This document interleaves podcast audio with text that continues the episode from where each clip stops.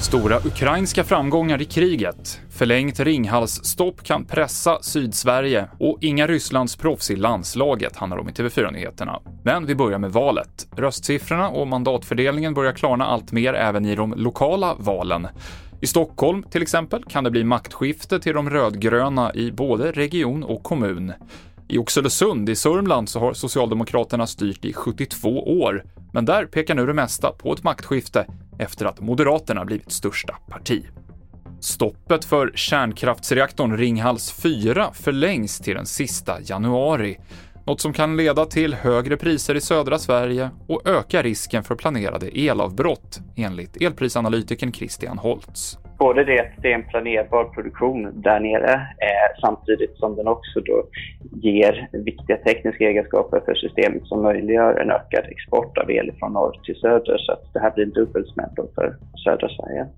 Vi fortsätter med den framgångsrika ukrainska offensiven i de östra och södra delarna av landet där den ryska armén har tvingats tillbaka från flera städer. Oskar Jonsson, doktor i krigsvetenskap på Försvarshögskolan, beskriver det som en stor bedrift av Ukraina.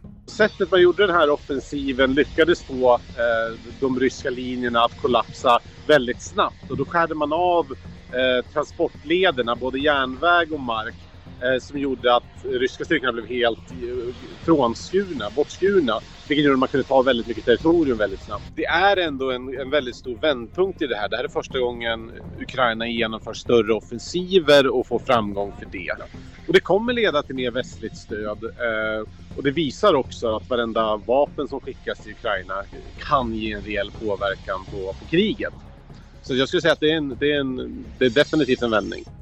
Till sist fotboll. Svenskar som spelar i ryska klubbar kommer att stoppas från samtliga landslag med anledning av kriget i Ukraina. Det är ett beslut som förbundet har fattat enligt ett pressmeddelande. Ishockeyförbundet har tidigare gjort samma ställningstagande. I nuläget så är det dock inga svenska fotbollsspelare i ryska klubbar. TV4-nyheterna i studion Mikael Klintevall.